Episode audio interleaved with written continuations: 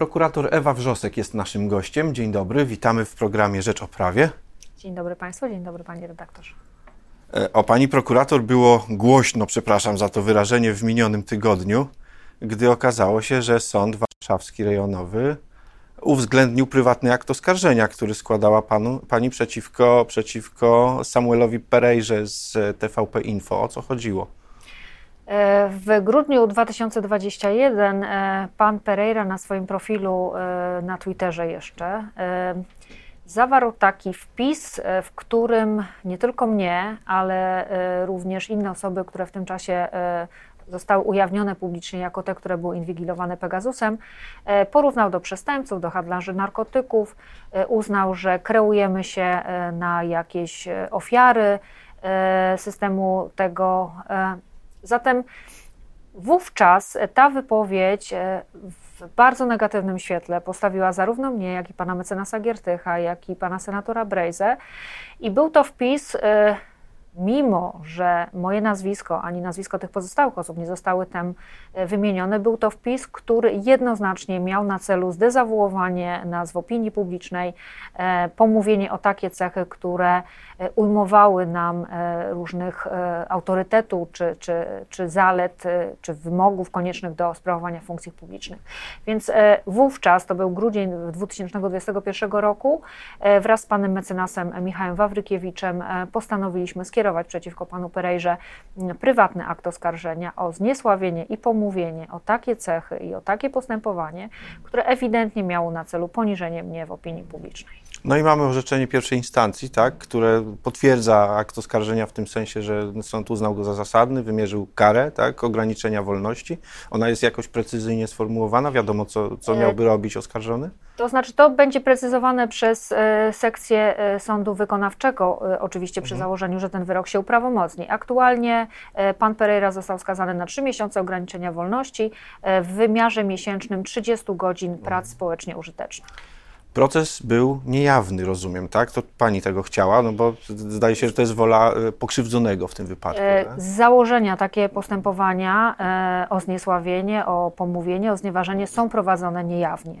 Mhm. E, I tak było również w tym wypadku. Aczkolwiek e, samo ogłoszenie wyroku, na które pan Pereira się nie stawił, było jawne.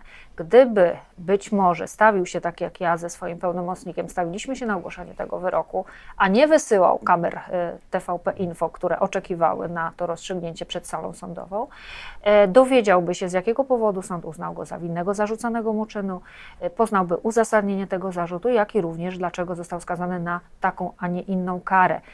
Uzasadnienie wyroku było było niejawne, ale tak jak mówię, to jest specyfika e, postępowań prywatno-skalgowych w tego rodzaju sprawach. Owszem, tak, tylko chyba wola e, pokrzywdzonego decyduje też, prawda? Tak, to znaczy ja generalnie, no nikt mnie nie pytał, czy wyrażam e, zgodę na publikację, zresztą tak jak mówię, pan Pereira się nie stawił i tutaj no w zasadzie tylko my byliśmy na sali.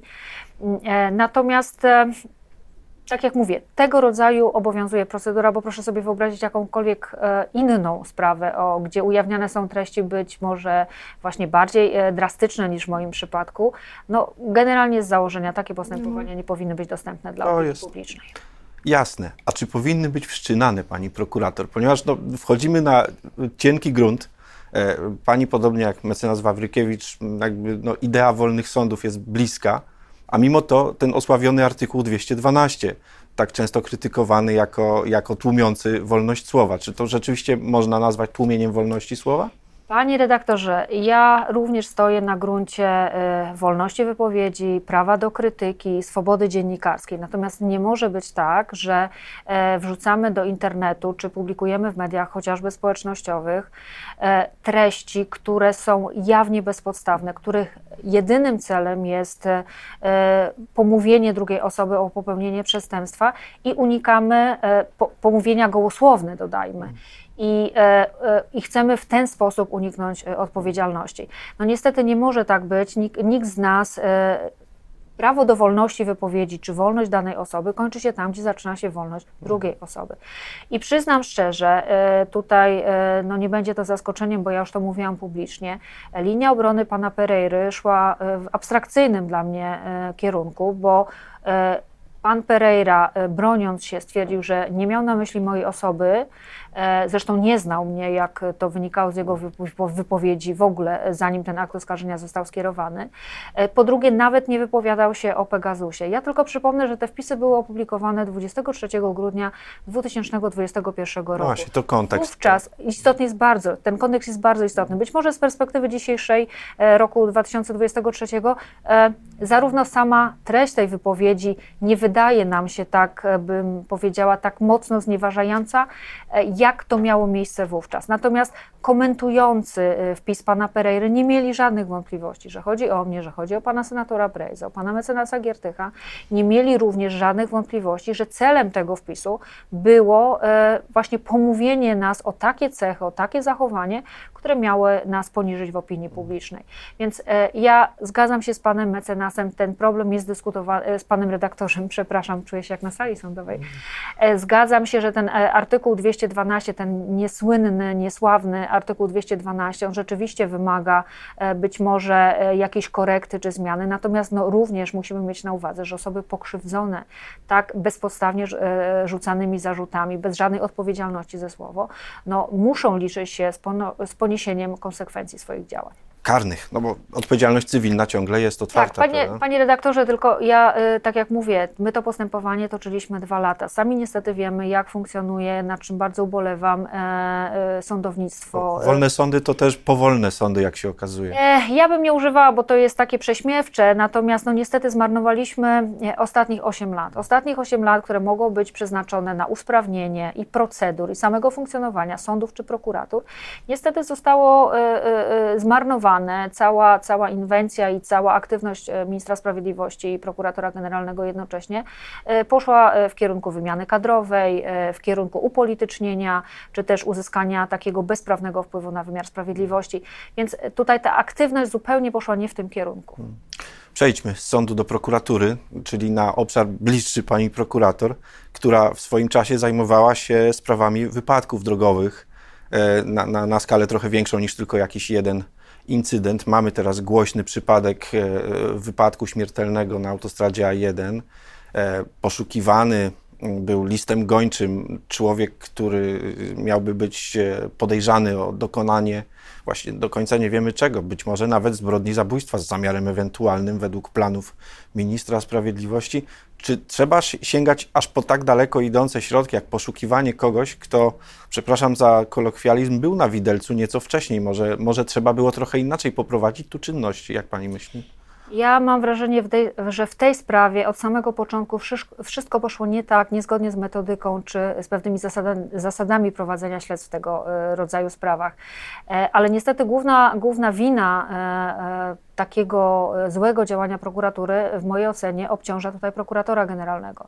Prokuratora generalnego, który abstrahując już, że przez pierwsze prawie dwa tygodnie od czasu zaistnienia tego wypadku drogowego, tak naprawdę to internauci przeprowadzali śledztwo szukając e, czy ustalając sprawcę, czyli kierowcę, e, kierowcę BMW. Natomiast e, w momencie, kiedy ta presja ze strony opinii publicznej była już tak wielka, że Zbigniew Ziobro nie mógł ignorować tych ustaleń, pierwsze co zrobił, to zwołał konferencję prasową, na której de facto ogłosił zarzut, który sprawcy wypadku miał być następnie przedstawiony przez e, prokuraturę. No, naturalną reakcją e, jest e, wówczas dążenie sprawcy do uniknięcia odpowiedzialności karnej. Stąd też właśnie ucieczka, stąd też aktualnie zatrzymanie w Dubaju, stąd też wniosek o ekstradycję. No, te działania oczywiście będą skuteczne, ale po pierwsze nie wiemy kiedy, jaki czas upłynie do czasu, kiedy Mm, ta osoba zostanie sprowadzona e, do Polski. Na Ona chyba nie chce zostać wydana Polsce. Jako obywatel niemiecki ma jakieś szczególne prawa w Dubaju? E, ale jest jednocześnie obywatelem polskim. To trudno mi powiedzieć, e, jak e, tamtejsze organy ścigania będą podchodziły do tej sprawy e, przez pryzmat kwestii obywatelstwa, ale na pewno i niewątpliwie będą podnoszone te okoliczności, o których e, zaczęliśmy rozmawiać, a więc konferencje prasowe prokuratora Jako czynność procesowa nowa w naszym w zasadzie, porządku. Tak? tak, Zbigniew Ziobro de facto w trybie zupełnie pozaprocesowym procesowym, zupełnie pozaprawnym, przesądził już winę. Ta wina oczywiście wydaje nam się dzisiaj być ewidentna i być może najprawdopodobniej tak będzie, że sąd ją w przyszłości potwierdzi. Natomiast niedopuszczalną jest sytuacja, aby polityk zwoływał e, konferencję na ten temat, aby zapowiadał e, cała treść zarzutu została upubliczniona, zanim została przedstawiona, czy obrońcy. Tak się robi? Oczywiście nie, więc to jest kolejny przykład, jak źle może funkcjonować prokuratura, kiedy na czele jej staje polityk, który ma zupełnie rozbieżne interesy właśnie z tymi, którymi powinni się kierować prokuratorzy.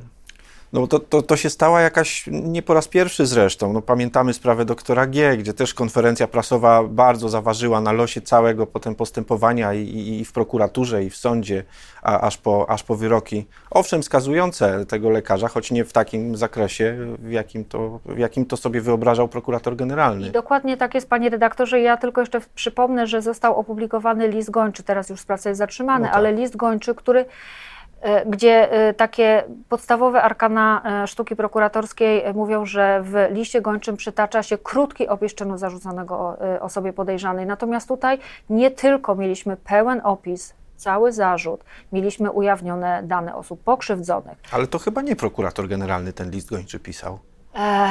Ja myślę, że tutaj była tak wielka presja ze strony prokuratury krajowej, że choć pod tym e, zarządzeniem o poszukiwaniu podejrzanego listem gończym podpisał się prokurator prokuratury okręgowej e, w Piotrkowie Trybunalskim, tutaj nic w tej sprawie nie obyło się bez e, uzgodnień czy też bez poleceń ze strony Zbigniewa Ziobro. Tak pani myśli, że to okres wyborczy na tym zaważył, czy po prostu Chciałabym chęć tak zaistnienia? myśleć, ale to niestety tak funkcjonuje prokuratura od roku 2016. Musimy mieć tą świadomość, że zapowiedzi o tym, że prokurator e, jest niezależny, że e, kieruje się dobrem śledztwa, e, są obracane w niwecz i w pył, kiedy tylko interes polityczny jest jakby istotniejszy. Mamy okres kampanii wyborczej, Zbigniew Ziobro wykorzystuje każdą pojedynczą sprawę. Mamy przykład Pandora Gate ostatnio, mhm. tak?